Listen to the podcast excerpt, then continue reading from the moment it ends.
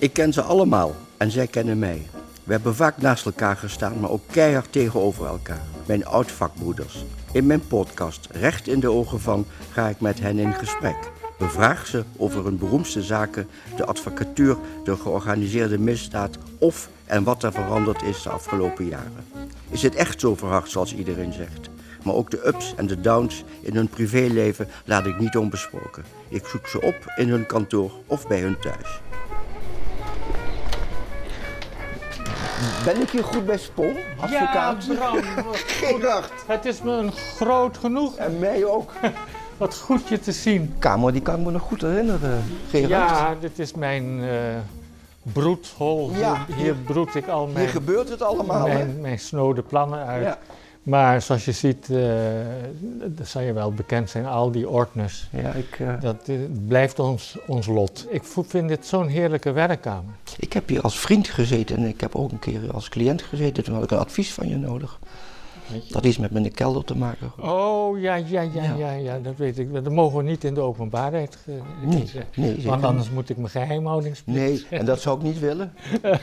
Dan gaan we zitten, hè? Ja, dan gaan we zitten. Ja, dankjewel dat ik langs mocht komen.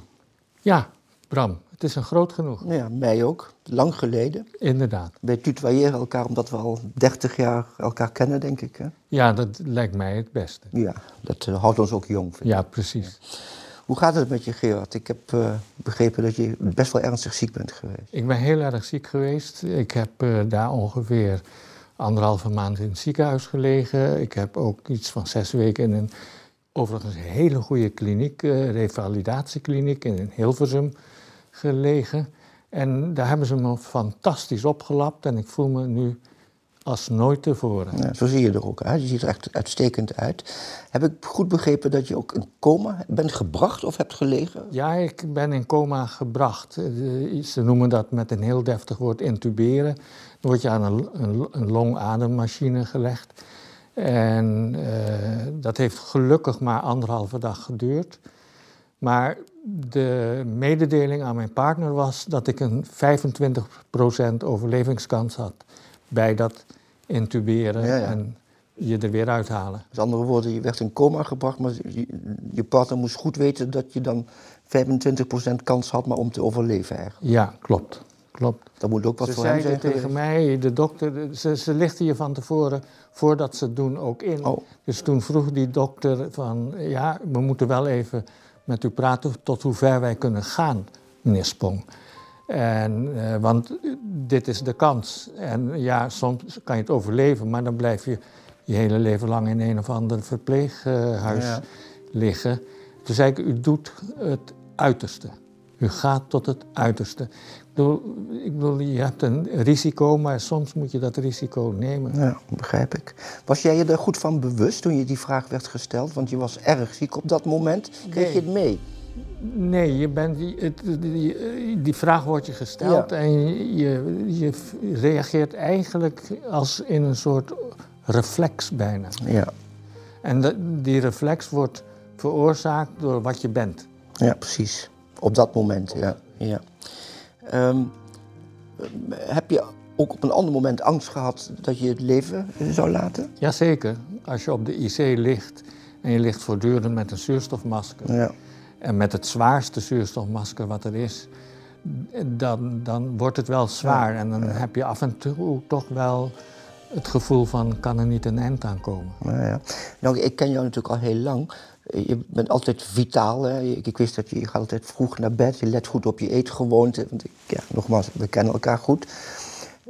Hoe, heb je een idee hoe het jou zo getroffen kan hebben eigenlijk? Want jij was een fysiek volstrekt gezonde man. Ja, dat weet ik niet. Ik, ik, ik zelf heb het gevoel dat ik het slachtoffer van mijn eigen ijdelheid geworden ben. In die zin... Dat zou best kunnen. Ja, in die zin, eh, ik weet niet precies hoe ik het heb opgelopen, maar ik breng het terug tot een zondagmiddag. Toen liep ik door de PC Hoofdstraat en daar heb je sinds een aantal maanden een, een, de Dior-winkel. Ja, dat klopt. En ik, je weet, ik ben, ik ben een, eigenlijk een Dior-liefhebber. Al mijn pakken zijn eh, Dior. Dassen. En dassen zijn Dior. Dus ik dacht van, nou, daar moet ik naar binnen. Alleen, eh, je, we moesten ongeveer een half uur in de rij buiten staan te Ja, wachten. ja. En dan sta je toch een beetje uh, hutje-mutje op Ja, elkaar. mensen, ja. En ik heb het idee dat ik het toen heb opgelopen. Eens kijken of ik je toch nog goed ken. Is het toch steeds zo dat je favoriete drank Coca-Cola is? Ja, dat is juist. Ik ben een Coca-Coloog.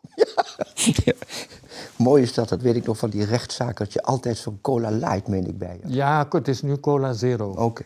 En ben je ook in die zin niet veranderd dat je nog steeds een Rolls-Royce eh, eh, gek bent? Klopt ook. Ik heb een, eh, een Phantom. Dat is het vlaggenschip van de Rolls-Royce. Ja. En dat is een heerlijke auto. Ik zeg altijd, ik rij niet, maar ik glij. Zo. Ja, dat is ook een hele leuke uitdrukking. Ja, nou die... Oh, die Gerard. Ehm, ben je een ander mens geworden sinds, sinds je ja, herboren bent? Eh, in zekere zin... Voorzichtiger of, of, of, of Nou, niet voorzichtig. milder? Nee, milder, in tegendeel. Eh, ik heb, denk ik, ik ben juist harder geworden. En omdat ik meer dan ooit beseft heb dat het leven kort is. En dat je zoveel mogelijk elke minuut moet eh, genieten van het leven. En dat is onverenigbaar met, met vervelende kleine klusjes of vervelende mensen om je heen. Dus eh, ja, nee, dat duld ik helemaal niet meer. Ja, ik begrijp wat je zegt. Het, het gaat je meer om de kwaliteit. Nog, nog meer om, eh, Nog om meer kwaliteit. en je moet vooral je niet omringen met vervelende dingen. Ja. Nou word je natuurlijk zakelijk wel eens omringd met vervelende dingen. Ja, maar ik heb toch ook, ik merk ook in, mijn, in het contact met mijn cliëntelen dat ik eh, in zekere zin ongeduldiger ben geworden. Ik heb geen tijd meer voor, om het heel plat te zeggen, die shit. Ja, ja. Ik wil snel to the point komen met een cliënt. Dus eh, als ze komen met allerlei warrige verhalen, zeg ik meneer, verspil uw tijd niet aan deze onzin. En vooral mijn tijd niet. En vooral mijn, nee, ja, mijn tijd is, eh, is duur betaald. Dat is wel heel waar. Dus, dus ze verspillen hun eigen Ja, geld. maar eh, ik heb er gewoon geen zin in. Nee, ik wil snel to the point komen, snel een juridisch probleem oplossen. Kijk, wat ik, wat, wat ik me zou kunnen voorstellen, ik heb ook tegenslagen gehad, dat je eh, de onbelangrijke dingen, eh, dan moet anders zeggen, dat je het onderscheid veel meer maakt tussen wat is nu belangrijk en wat is onbelangrijk in Ja. het leven. Ja, dat heb ik in ieder geval. Ik vind dat eigenlijk een, een soort positief effect van die ziekte, dat ik dat in, in toenemende mate doe.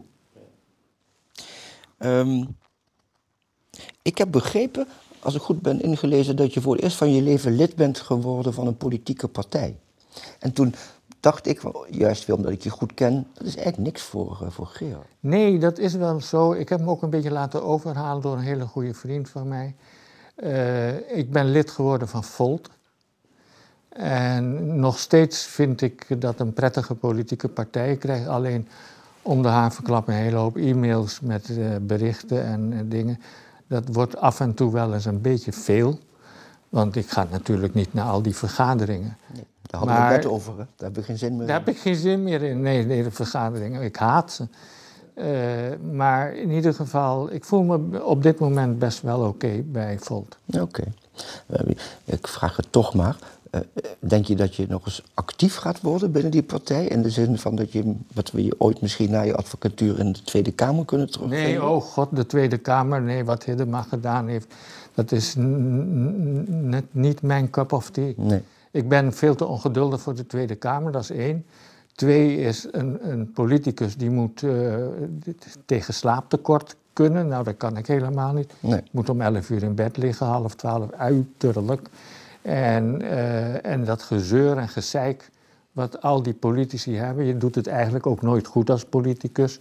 Dat, eh, nee, dat is niks voor mij. nee.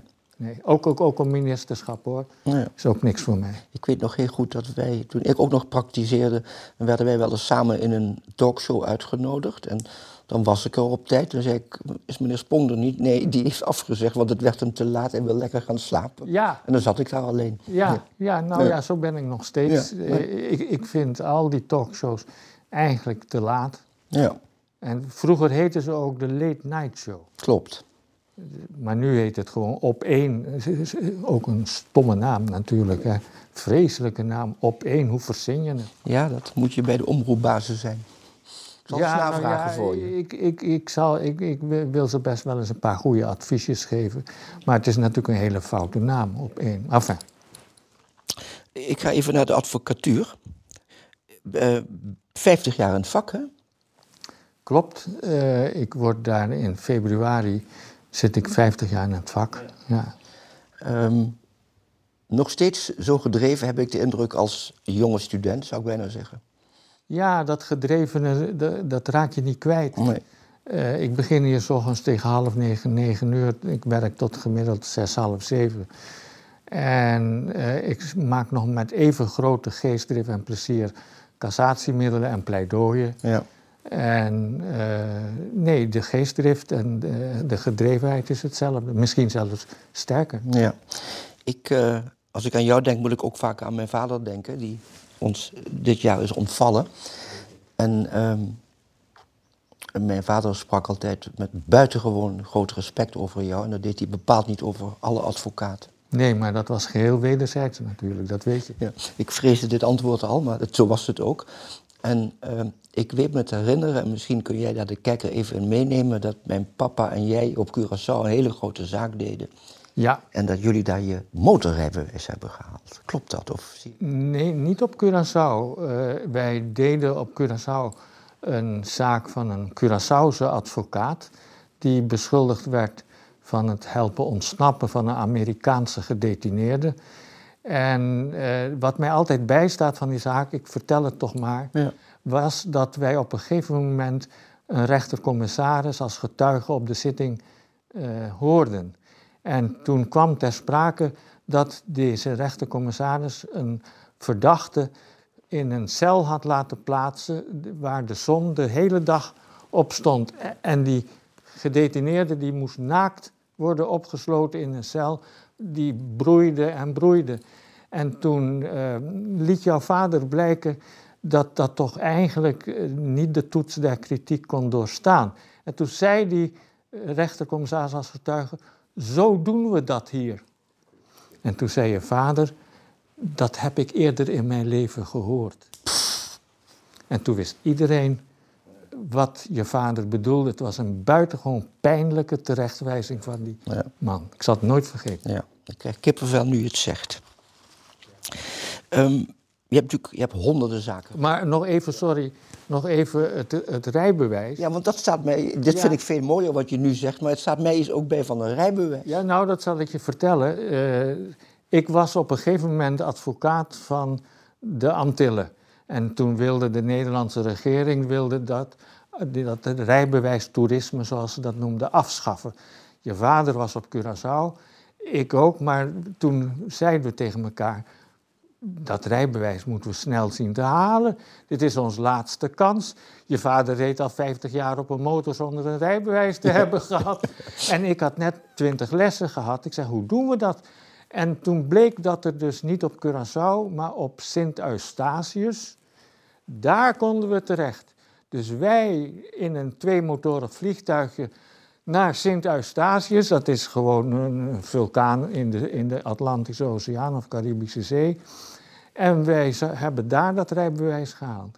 Dus dat zou toch eigenlijk een film van moeten zijn gemaakt. De twee beroemdste en beste advocaten van Nederland die in een tweemotorig vliegtuigje hun rijbewijs gaan oppikken. Ja, en we zaten in dat vliegtuigje en toen sloegen we voor het eerst in dat vliegtuig, want we moesten ook theorie-examen doen. Dus wij sloegen dat boekje open en bemerkten tot onze schrik dat we de helft van de vragen niet goed konden beantwoorden. Ik zeg, Bram, zie je de hoofdletters, zie, zie, je de kop in de telegraaf al? Ja. Nou ja, we hebben ons met de moed der wanhoop doorheen geslagen en we hebben het gehaald. Kijk, een korte voorbereiding was ja. Is er één zaak, eh, Gerard, die, die, die, die je gaat nog 20, 30 jaar door, maar die je op dit moment eruit zou pikken, gezien het feit dat je 50 jaar in de advocatuur zit, waarvan je zegt dat heeft toch grote indruk nog steeds op mij gemaakt. Maar kan een juridisch aspect zijn of een menselijk aspect. Ehm, ja, dat is toch de zogeheten Hakkelaarszaak uit 1996. En dat is een zaak waar wij, jij was er ook bij, en je vader en ik die zaak draaide om de vraag: is een kroongetuige een toelaatbaar bewijsmiddel? En we hebben daar fantastische pleidooien gehouden, maar we hebben het niet gehaald. Nee. De rechtbank, vervolgens het Hof, uh, heeft aanvaard dat een kroongetuige een wettig bewijsmiddel is. Uh, maar je zult je nog wel weten te herinneren dat we dagen, vele dagen, lange dagen in deze rechtbank in Amsterdam onder voorzitterschap van Frits Lauwaard. Daar kon ik het toch op de zitting heel goed mee vinden. Zeker. Ook een goed rechter, dus eh, kan ja, me voorstellen. een fantastische Menselijke rechter. Menselijke rechter. En, um, en die is niet alleen dat hij menselijke rechter is, maar het is ook een humoristische rechter. Hij was toch, uh, ja, ja dat, dat droeg hij uit. Maar het was een zware zaak, er stond veel op het spel. Het heeft ons iets van een zeg uit mijn bloot over iets van 30, 35 zittingsdagen gekost. Zeker, meer nog volgens mij. Meer nog. Een van die zittingsdagen was op het marinecomplex. Ja, met een helikopter. Met een helikopter kwam die, uh, een van de twee kroongetuigen Meneer Abbas, die kwam meneer, uh, aanvliegen. Ja. Meneer Abbas kwam aanvliegen, klopt. En de rechtbank zat tussen twee doelpalen. Ja, gênante vertoningen. Het was, uh, ja, maar ja, ze kon, hadden kennelijk niks. Toen had je nog niet de bunker. Nee, nee maar ook, ook, eh, ik begrijp, het is natuurlijk een buitengewoon belangrijke beslissing geweest. Het is een belangrijke die tot de dag van vandaag... Repercussies heeft. Repercussies heeft. Kijk maar naar het, eh, het proces Tachi. Ja. Tachi die wordt opgehangen aan een kroongetuige. Ja. ja. Um, vind jij de advocatuur inmiddels een gevaarlijk vak? Nou, eh, of ik de advocatuur een inmiddels gevaarlijk vak vind... Ja, misschien moet ik inmiddels weglaten, maar ik, ik zeg dat omdat er is natuurlijk wat gebeurd de laatste twee jaar, om maar voorzichtig. Ja, nu is het zo dat uh, ik heb, en dat, dat weet je ook wel eens, ik heb ook wel eens bedreigingen gehad, alleen die zijn gelukkig nooit ten uitvoer gelegd. Het is er in die zin is het wel gevaarlijker geworden in de afgelopen jaren. Ja. Zonder, ik bedoel, we hebben, hoe je het ook went of keert, dat was een vreselijk dieptepunt, de moord op uh, Van Weersum. Ja. En um, ja, dat, dat, is, dat is iets wat wij toch niet voor mogelijk hadden gehouden. Nee, ik ook niet. Nee. nee. De rol van de media tegenwoordig. Dus kijk, het, het advocatuur is altijd sexy geweest, laat ik het zo zeggen, voor de, voor de pers en voor de media is altijd ja. wel iets te doen.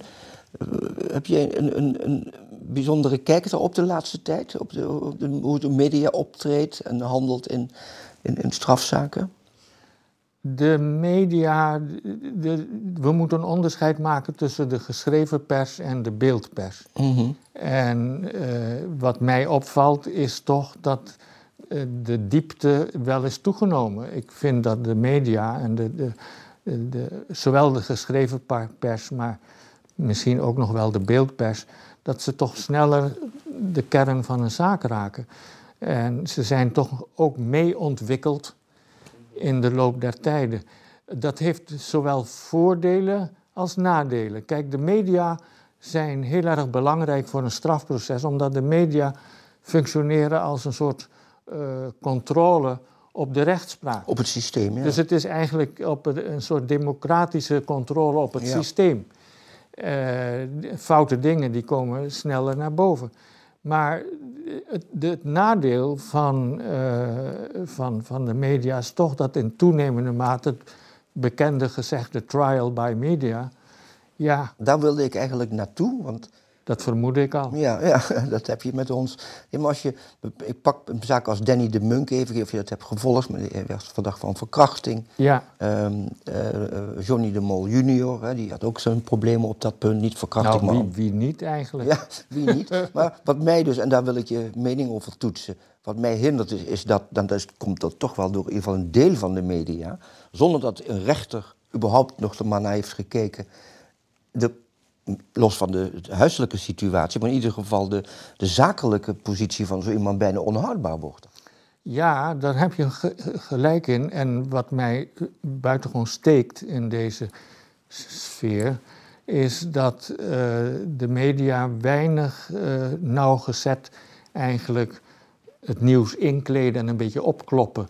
Neem nou bijvoorbeeld de laatste tijd is het bon ton om te spreken over grensoverschrijdend gedrag. Maar ja, wie bepaalt die grens en wat is die grens? Dat lees je dus nooit. Nee, wat het precies is. Je weet nooit wat het precies is. En eh, ondertussen worden naam en toenaam van de mensen genoemd. Ja. Ze worden voor het leven beschadigd.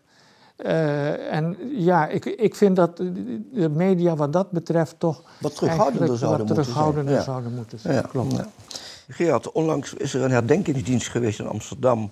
Uh, in verband met de Surinaamse decembermoorden. En daar werd jij verrast, heb ik begrepen. Ja, daar werd ik verrast en dat heeft mij toch wel ontroerd. Het heeft me veel gedaan. Je moet niet vergeten, ik heb zo'n beetje 40 jaar lang ben ik bezig geweest met deze decembermoorden. En uh, ik, was, ik was inderdaad een beetje aangedaan. Eh, je hebt een, hoe moet ik het zeggen, een prijs gekregen? Of ik heb een prijs gekregen en ik zal je dit, dit is, is de tekst ervan. Ik ben benoemd, of ik benoemd, ik heb de eretitel advocaat van de courage civiel gekregen. Nou, prachtige titel natuurlijk. Ik haal twee zinnen aan die erin staan.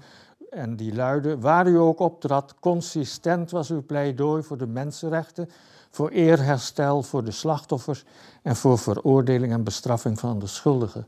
Onvermoeibaar en vaak met bijtende humor ontmaskerde u alle vertragings- en ondermijningstactieken. Nou, ja, dat... Laat ik zeggen, het komt me bekend voor wat ze over je zegt. Ja, weet je, weet je dat, dat weet ik. Dat hebben we in die, in die Hakkelaarzaak ook gedaan. Je moet ook in je, in je pleidooi, hoe ernstig die zaak ook is, moet je proberen toch af en toe een humoristisch punt te maken. Dat zal natuurlijk in een moordzaak uh, heel anders zijn, maar, uh, of niet kunnen. Maar er zijn legio zaken waar... maar we hebben het samen meegemaakt, ja, we samen een zaak waar, waar je best wel een beetje humor in kan brengen. En uh, ik zal je de laatste humoristische anekdote vertellen. Ik sta op dit, moment een imam bij die uh, beschuldigd is van het aanzetten, opruien tot vrouwenbesnijdenis. En er uh, waren twee vrouwen die hadden aangifte gedaan van die opruiming. Maar die vrouwen die waren 86 en 85 jaar. Dus je begrijpt dat ik in de rechtszaal zei dat vrouwenbesnijdenis bij deze twee toch niet heel erg voor de hand lag. en hoe werd daarop gereageerd? Een beetje besmuikt zaten ja, um, in het kader daarvan, of in het verlengde daarvan, is ook wel interessant hoe jij denkt over uh, het maken van excuses door de overheid in verband met het slaven van leden. Nou, ik vind excuses maken vind ik op zich uh, wel oké, okay, op zijn plaats. Ik bedoel, er zijn excuses gemaakt naar Indonesië. Uh, Duitsland heeft na de Tweede Wereldoorlog ook uh, zeg, mea culpa. Dus op zich uh, vind ik dat oké. maar waar wat ik minder oké vind, is het uitkeren van een schadevergoeding aan individuele personen. Allereerst speelt natuurlijk, maar daar ben ik jurist voor, de causaliteit een, een moeilijke rol. En ja, je kan natuurlijk wel aan de gang blijven. Je moet ergens ook een een tijdsgrens trekken, want anders kan heel Nederland zo'n beetje de schadevergoeding van Spanje voor de 80-jarige oorlog vragen. En krijg ik nog wel wat van Duitsland ook, denk ik. Ja, dus ja, ik, ik geloof niet dat we die weg op moeten. Dus als ik het mag kortsluiten, zeg je eigenlijk excuses als ze gemeen zijn prima, maar geen individuele betalingen aan, aan, aan nabestaan. Correct. Ja. Um, de toekomst voor Gerard Spong. Hoe ziet die eruit? Ja, één ding heb ik geleerd op de IC, de intensive care. En dat is dat je de toekomst nooit goed kan voorspellen. Maar voor zover het in mijn vermogen ligt, ja. uh, kan ik zeggen dat het hetzelfde moet blijven zoals het nu is. Ik wil dolgraag, bij wijze van spreken, nog 10, 15 jaar advocatenpraktijk voortzetten. Ik wil dolgraag in mijn Phantom Rolls Royce blijven rijden. Ik wil dolgraag mooie zonnebrillen kopen die ik, uh, waar ik verslaafd aan ben. Enzovoort, enzovoort. Ik heb een heerlijk leven en ik wil dat gewoon voortzetten. Ja, dat, dat, dat ben ik, gun ik je meer dan, dat weet je wel. Uh, dus pensioen, dat bestaat bij jou niet, dat woord? Wel, nee, pensioen, dat is voor nou, laat me maar niet zeggen, dat is voor de gewone man, want ik ben ook een gewone man. Maar ik ben Misschien moet je doorsneeman zeggen. doorsneeman. Oh ja, ja, ja, voordat je het weet heb ik een proces aan mijn broek. Daarom, hè? Maar ik ben, in En ieder daar broed ik je voor. ik ben in ieder geval geen wat ze noemen pensionado. Nee, nee. Ehm, je hebt een zoon, Ja, Sander. Sander. En ik ben inmiddels ook grootvader geworden. Nou, ik wilde de vraag stellen, ben je inmiddels opa geworden? Maar dat Ja. ben je dus. Ja, dat ben ik. Sinds 1 mei heeft hij een fantastisch mooi, leuk klein kereltje gekregen. En die luistert naar de mooie naam Josiah. En eh, dat is een fantastisch bezit voor hem. En voor jou ook, denk ik. En voor mij ook. Ja, Is, is er zoiets als een opa Gerard nu dus? ja ik ben opa, ja, hoe je het wil. Ja, nee, maar ehm, ehm, ehm, hoe vaak zie je dat ki- dat klein kind? Of- of- of- Zo eens in de twee weken. Ja, ja. Ja, En komt hij dan bij opa of gaat opa naar kleinkind? allebei. Allebei. Ik ga wel eens op een zondagmiddag hier bij hun. En zij komen hier. Met kerst komen ze hier. En is die kleine een klein advocaatje in spe? Daar is hij nog te klein voor om dat te kunnen zeggen, maar het jochie kijkt al wel heel schrander uit zijn ogen. Dat is een goed begin, hè? Dat is een goed begin.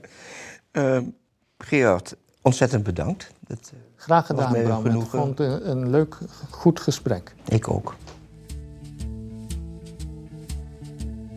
Wie zou jij willen horen in mijn podcast Recht in de Ogen van? Laat het mij weten op crime.telpanetwork.com.